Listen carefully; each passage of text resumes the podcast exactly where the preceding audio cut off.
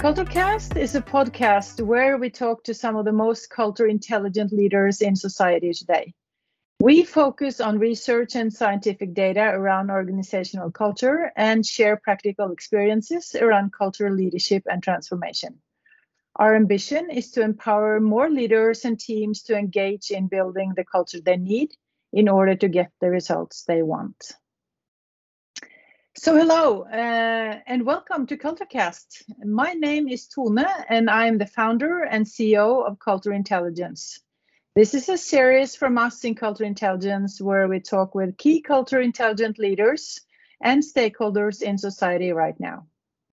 Today, we're going to talk about the importance of culture and the key role it has for in developing learning organizations, collaborative people, and not to mention a company's intellectual property.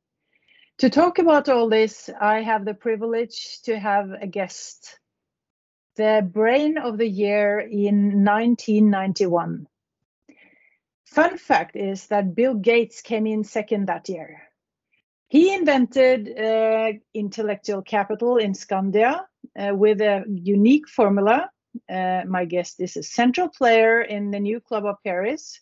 He is a true global citizen and has been a warm and supportive inspirator for me personally. Welcome to us, Leif Edvinsson. Thank you, and uh, happy future to all of you. Thank you. Um, your... I'm very grateful, Tone, for, for this opportunity, and we have um, a lot of mutual uh, connections and friends to um, relate to. So um, over to you again. Thank you. Uh, first of all, like you have such an amazing life, and I must say, I just get thrilled every time I see you either post things or send me articles or stuff. So there's just so much to to, to take from here. So I don't almost know where to start. But why don't you why don't you try to just tell me this tell me your story in in the in uh, the short version of it of course. Uh, how did you end up here? Ah i haven't ended yet. Yeah i know. But what brought you here?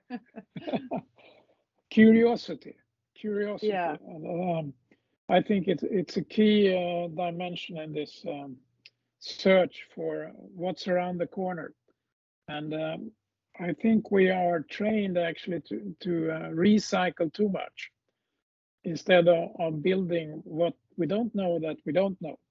So that um, is probably what brought me here. That I don't know what's going to happen the next hour, but I'm very curious to find out what we are going to talk about.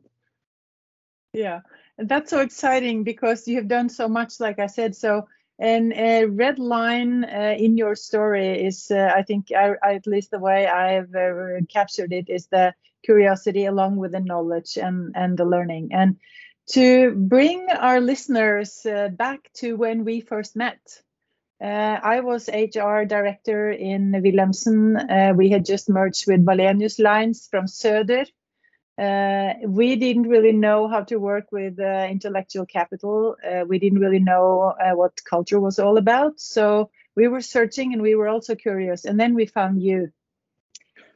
Uh, and you had done so much. So uh, in, in Skandia, so why don't you tell us a little bit about your research to into the intellectual property, the way you had done it?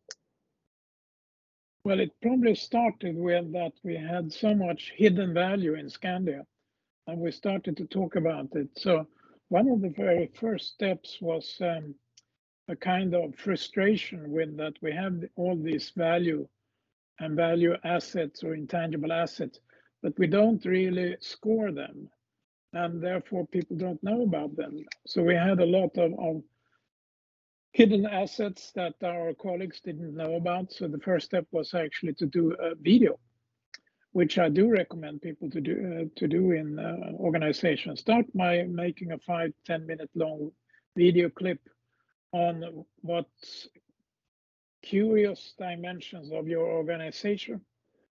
and that um, brought us into the uh, accounting for it. And I will tell you about this accounting down the road. But right now I need some coffee. That's quite all right.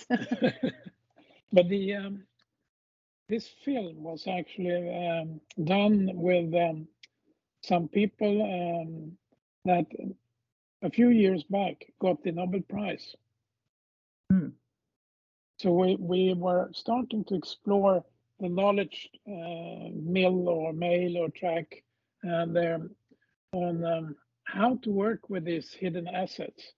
And of course, uh, when we applied it, we created values for somewhere about 200 billion Norwegian crowns in a couple of years. Um, but that was the financial capital. What's even more important are the what they call today soft assets mm. uh, or soft skills.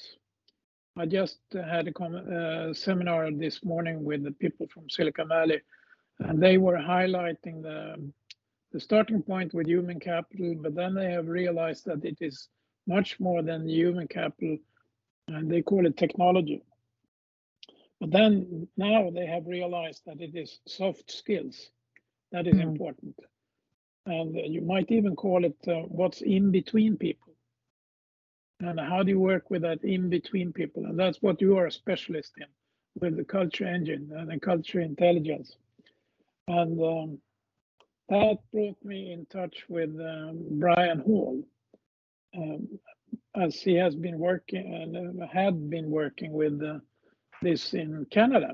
And there I had friends in, in, one of the big banks, and he had been very, very happy with working with Brian Hall and applying it. So we um, uh, met him and we started to test it and apply it in Skandia as well. And it, it's a remarkable insight in his research from Silicon Valley and um, um, the Santa Clara University there, and his colleague uh, Benjamin Tonna as well. And as a short note there, Benjamin Tonna was actually the um, chief intelligence officer for the Catholic Church.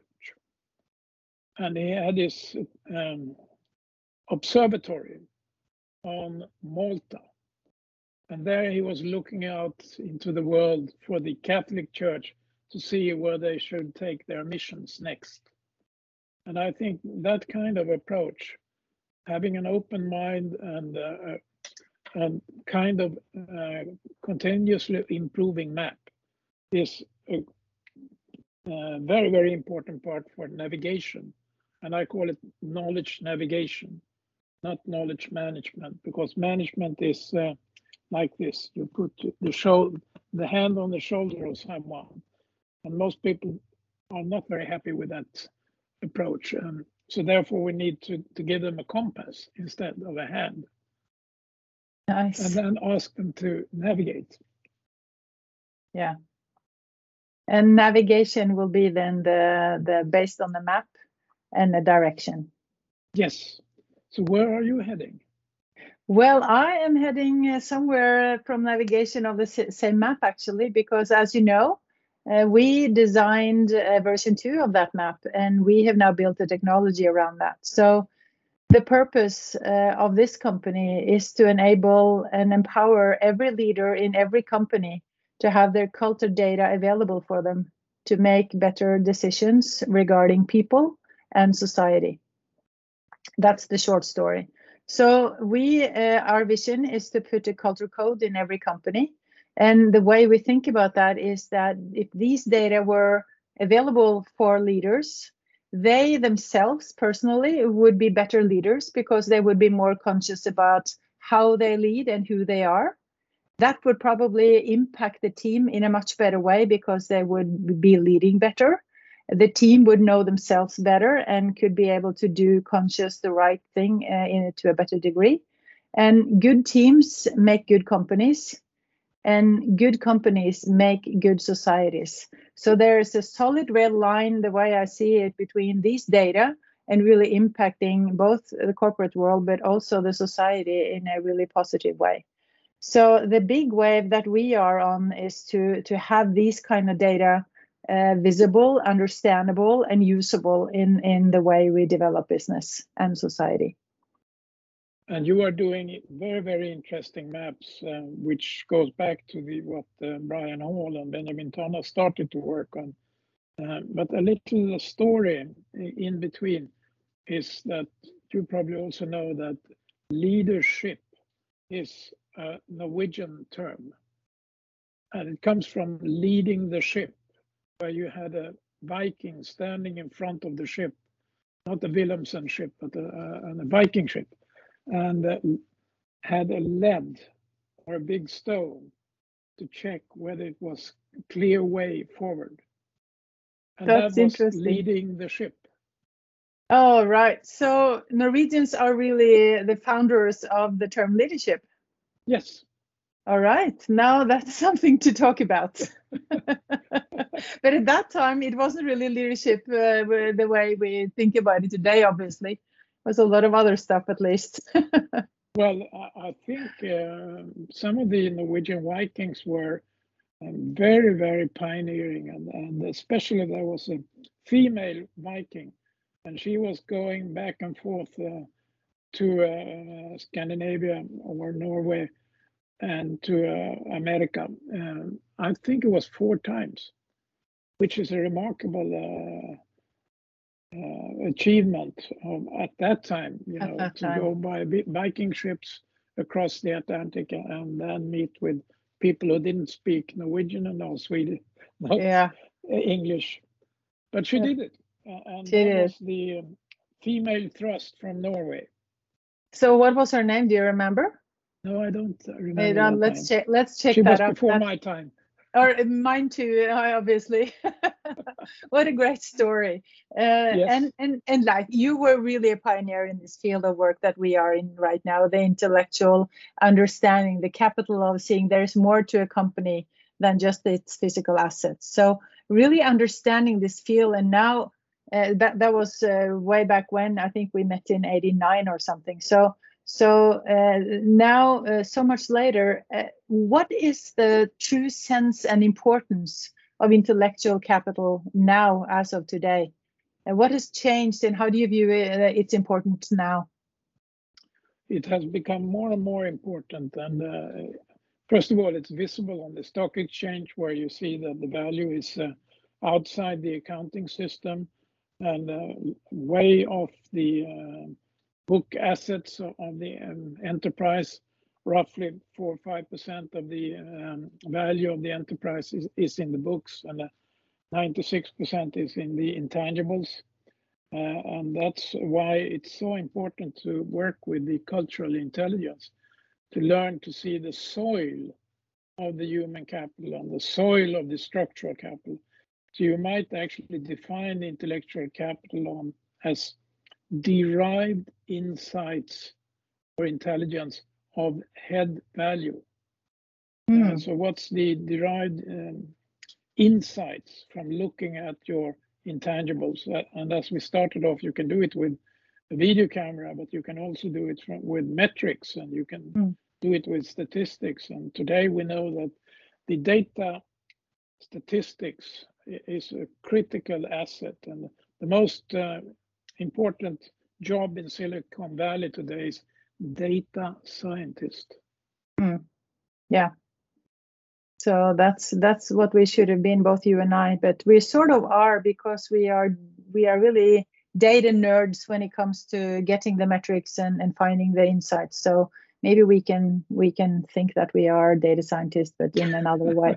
So let, let's pretend we are. Uh, but life, um, you have to tell me about uh, these uh, the global networks that you are working on today. You are doing so much exciting stuff with so many really really intelligent people. So tell me a little bit about uh, these networks and what you are up to. One of the developments was we started to apply the intellectual capital on, on Skandia uh, as an enterprise, and then it escalated from there to nations. So we started to work with uh, national intellectual capital, and then you can see which countries are, are at the top and which ones are progressing well. I can come back to that. Um, but um, that also led to a, co- a collaboration with uh, the uh, Knowledge Foundation in Dubai. They have now presented uh, the report number six, one each year on a global knowledge index. And it's because that the World Bank started to work with the Global Knowledge Index, but they closed down. And in uh, Dubai and UAE, they uh, realized that they needed to have better map for the future of this region. And um, they uh, used it both to navigate, but also to put a target on the map for that nation, uh, which um, is uh, very similar to national intellectual capital, but um, we can um, actually, with the national IC metrics, uh, map out roughly 70 different uh, factors for roughly 70 countries around the world.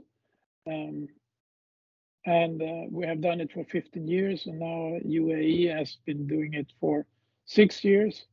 And if you start to combine that, it's going to be very interesting uh, down the road to see which dimensions, what are the drivers for the future. Mm. it's already evident that one of the most critical dimensions is culture. Mm. That in between space between the metrics. Mm. And for that, you probably need a, a female Viking to navigate. yeah, from way back when. Don't don't. Too bad we don't remember her name, but but but. you can Google on it. yeah, we can Google. Uh, but life, um, you you have uh, you've just inspired me with uh, a phrase called Society Five Zero, and uh, it just triggers my curiosity so intensively. So why don't you elaborate us a little bit about what is is is Society 5.0 replacing um, Industry Revolution 4.0 or is it is it so it's the next step really? T tell yes, me about it, it. It's the next step. Um, tell me about it. Industry 4.0 is a kind of engineering um, outlook, but um, society is not uh, a kind of a trend extrapolation. It is what UNESCO is actually also calling it uh, anticipation. So you have to go from explore, ex, uh, exponential development or, or, trend lines to anticipation, and then you're coming from the out in. Mm. Um, and this is what UNESCO is doing with their future literacy lab, which I'm uh, also supporting. And we need to learn to, to uh, read these signs, the very weak signs and weak signals and then if you do that, you start to realize that we have a lot of institutions in society, but they are becoming too old, too lazy, and uh, obsolete. And that goes for the law system, it goes for the schools, it goes for the hospitals. And that's why it's so important to start to work with renewal of society. Uh, it's not just innovating society, but it's renewing where you are hmm. leveraging and recycling what is good and what could be much, much better. And that is, among others, um, taking care of different generations. Um, a lot of, of the school system is still focused on, on educating youngsters, but with the graying society, we have um, some 30, 40% of society being um, uh, in need for upskilling. Mm. Yeah. So uh, European Commission estimate that we will have roughly 2 billion people in upskilling training in uh, in a few years down the road. 2 billion people. That's um, that's hard to get your arms around, really. And, yes. Uh, that project is bigger big, for, big for it, it's a bigger it's a too big of a project for both you and I, but but it's something really to i think the the visualization of what this really is and and how it's impacting us. That's of course the the key thing here. And what i'm after is how can how how let's bring this down to to leadership and today and something realistic. How does this impact leadership today in in in norway and sweden to to stick to more local uh, arenas? It is um, spending more time on what you don't know that you don't know, which takes a lot of courage because uh, one of the critical uh, ingredients in leadership is that most people are afraid. Um, and if you take some statistics to play with it, only 4 or 5% of, of the population are ready and willing to go into the unknown. 96% uh, want to stay where they are, and you see that in the present uh, uh, scaredness of taking vaccine. Yeah. So um, that has to be overcome. The the fear of the unknown, and that is culture as well. So mm. you can work with a lot of the senses, uh, which we did in Skandia Future Center, um, of reducing the threshold of fear. And it might start with uh, simple things like the smell of the office, mm. if wow. you're allowed to go there. Yeah. If you go there, you might have a, a, good smell and you might have a bad smell. Uh, and that's why uh, the smell dimension is extremely interesting.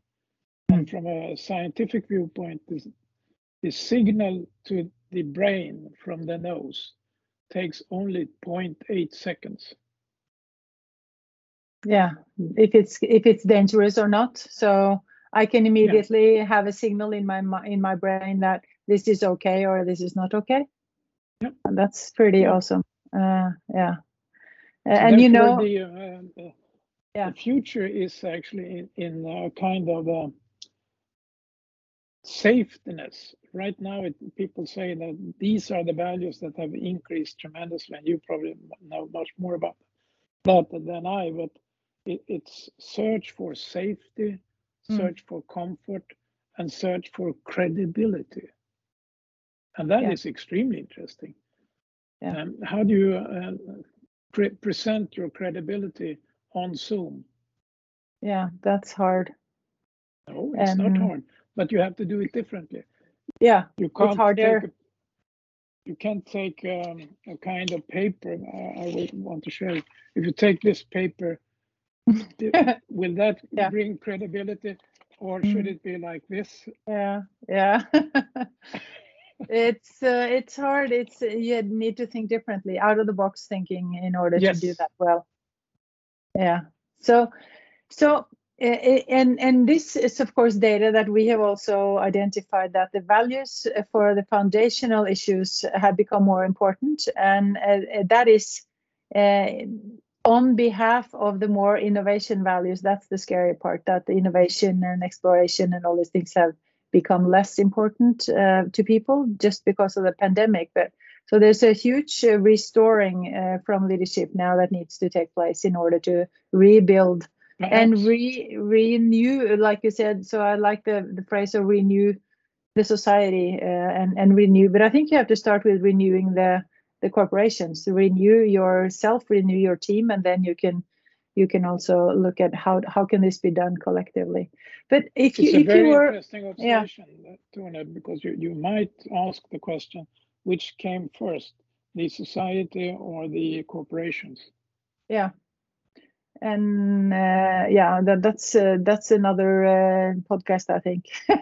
But it's really it's really important uh, and and the way i think about the the red thread between leadership and teams and corporations and society i think that that uh, link is really uh, a solid one. And that's why and values are the language or the currency that interconnects them so yes. you can work with values in all, all of those four states, and that's what makes them so powerful. So, but if we turn into the, you also talk about sustainable companies or or sustainable uh, teams or sustainable corporations. What what how how would you define a sustainable company in these days? It's probably a company that is uh, renewing with with a uh, kind of sensible rhythm. Because if you take a city, for example, uh, uh what's the renewal speed of uh, the city of uh, Oslo? Is yeah. it high enough, or is it a little bit too complacent? Uh, and it, it, when you have reached a certain level of affluency, it becomes complacent until you get the uh, revolution on the streets or some pandemic or some other outside factor coming in. And a lot of the um, situations in, in Europe is characterized now by increasing um, chaos because of, Yeah. uh, a combination of lack of navigation and fear for what we don't know that we don't know, and not the trust in the societal institutions. That's uh, that's the scary part. That if you start to lose trust in, in corporations and each other, because if Yeah. you start to lose trust in corporations, you're going to soon start to lose trust in each other. Because, like I said, the values are the currency here, and they they play in all four uh, links of, of that. Um, Leif, uh, I have to ask you this. Uh, it's a personal question. Uh, what does uh, value? What, what does values mean mean to you personally, and how do you navigate your own value system? I get a good map from you. we looked at it, and you and I have some some values that are very alike, and then we have some that are that are not alike. Uh, but how do you how do you do that in a personal level? Because you are in so many arenas, but how do you do that uh, yourself? Probably by being um, um, much prototyping. But I don't know that I want to test and see if I could learn something. Uh, and I usually share that with um, other people. So when I was a professor at the University of Lund, Sweden, many years ago, I um, brought them um, China Daily and asked them to read China Daily uh, for a week and then come back and tell me what are the signals in Mm. um, this reading of China Daily. And it was very, first of all, they didn't know what China Daily was, uh, and they started to find out, and then some uh, also found out that um, it was better to uh, read um, uh, Baidu uh, or Weibo um, if they had that, that kind of skill to search on the net. And then they could start to see some of the signs that today are very strong signals from China. So Yeah. today I learned about uh, uh, a company called Coursera. It's one of the largest online training uh, organizations, and it's less than 10 years old. Uh, started in, in Silicon Valley, offering online training. They have around 5,000 courses. They've had Hmm. uh, Wow. 93 million learners already. Congratulations. Yeah, And they have as chairman one of the big tycoons from China. Interesting. Yes. Yeah. Smart Well, we're- alliances. Smart alliances. We're heading for a capital round uh, in not too long, so that's something to think about. That's, uh, yes. And I okay. happy to give you some contacts in China. I spent 10 years there as professor. Yeah, that's interesting and enough. But okay, uh, let's let's uh, head for for uh, for our last um, big question here, Leif. I want to give uh, our listeners uh, an an advice from you. So, what what would you what kind of advice would you give leaders that are listening uh, to the podcast now, and how how should they navigate in this? Uh, wide variety of input and knowledge and, and concepts and methods. Spend less time inside and more time outside, because then you will uh, be um, exposed to new signals and spend time with um, different generational groups. So uh, one of the big emerging groups uh, of interest is probably the silver potentials, uh, 55 plus, and also grannies.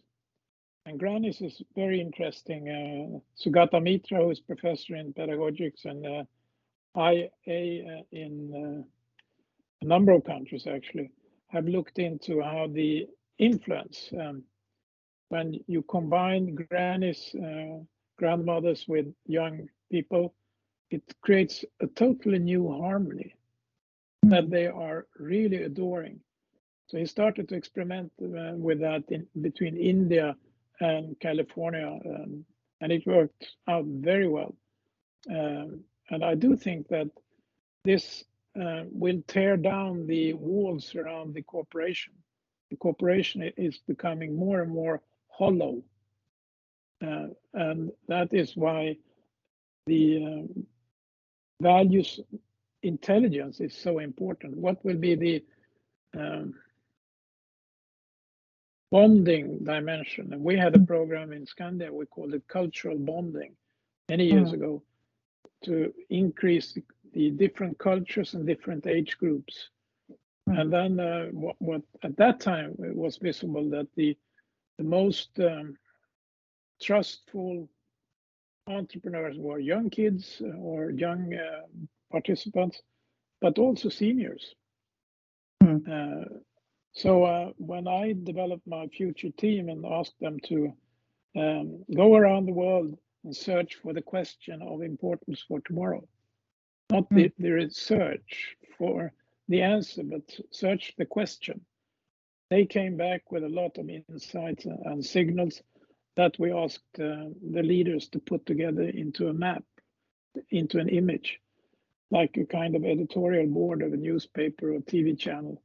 Um, they were not very capable of that. They were mm. actually drowning in the signals. Yeah.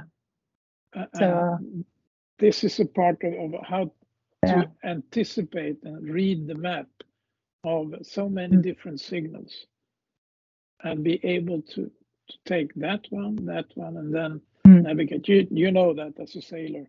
Um, but um, applying that in, in, corporation is the same actually. Mm. The corporation is, as you know, in, in German it's called Gesellschaft. And Gesellschaft is very close to Gemeinschaft or, or company, uh, which um, is actually you come together and do mm. it. Mm. Now it's sometimes called collaborative efforts. That's also a word, yeah. That's uh, or complex cultures, uh, and uh, yeah. But this is just amazing, and and I I I could feel that uh, all I want to do now is to buy the two of us uh, two tickets uh, and we can fly around the world and we can values map and culture map and and explore and identify. That would be a, an awesome project. So uh, let's we let's not think flying. We're, we're we are training. yeah yeah. viking ship let's sail then. And it's going to be uh, take some more time but it's much more pleasant. So okay Leif, uh, thank you so very much for being with me on the podcast and i so look forward to see what the next things that you will be up to will bring us. So thank you again. Happy future. Thank you. Happy future.